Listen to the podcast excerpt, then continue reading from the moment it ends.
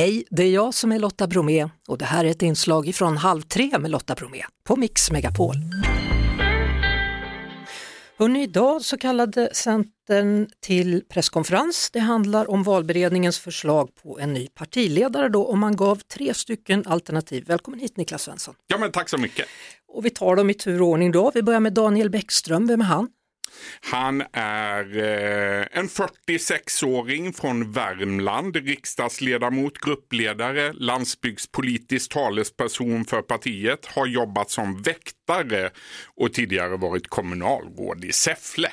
Mm. Sen har vi nummer två, Elisabeth Tand Ringqvist. Ja, hon är nyss invald riksdagsledamot, andre vice gruppledare, näringspolitisk talesperson har hon just utsetts till. Kommer från Jämtland och har eh, tidigare varit vd för Företagarna. Men hon har också en historia i partiet. Hon jobbade under flera år under Maud Olofsson när hon var näringsminister. Och det tredje namnet då, alla dessa givetvis utan inbördesordning, Muharrem Demirok. Ja, den mest okände för den stora allmänheten tror jag. Han är nyinvald riksdagsledamot, partistyrelseledamot och utbildningspolitisk talesperson. Kommer eh, ursprungligen från Huddinge utanför Stockholm med föräldrar födda i Turkiet. Bor idag i Linköping där han har varit kommunalråd sedan 2009. Mm, och man sa då vid den här presskonferensen att man söker någon med goda ledaregenskaper, god kommunikation, strategiskt arbete, respekt, förtroende, karisma, visionär och framförallt ska personen i fråga våga kunna fatta beslut. Ja men precis, jag hörde det på presskonferensen. Man skulle kunna lägga till att valberedningen nog också har sökt en person som inte vill samarbeta med Sverigedemokraterna. För det undrade jag just, hur ska det gå med det samarbetet nu? Ja, Fortsatt alltså, icke. Om man lyssnar på vad de här tre kandidaterna säger så tycker ju de, precis som Annie Lööf, att man ska eh, hålla samma linje som man har gjort den senaste mandatperioden. Det vill säga inte prata eller samarbeta med Sverigedemokraterna. Där är de här tre överens och vi ser ju att, att de kandidater som tidigare har sagt att man bör samtala med alla. De fanns inte med när Nej. valberedningen presenterade sina kandidater. Ett namn som man eh, kanske trodde skulle vara med det var ju Helena Lindahl. Men Precis, nej, Helena då. Lindahl, en av dem som, som ju har förespråkat att man ska prata med alla, även Sverigedemokraterna. Men hon mm. är nu ute ur leken. Jaha, om jag tittar på de här då så tänkte jag när den här kvinnan presenterades här, Elisabeth Thand Ringqvist, tänkte jag, men hon är ju doppad i samma färgbad som Annie Lööf. Ja, verkligen. En rödhårig kvinna igen. Vill man ha det?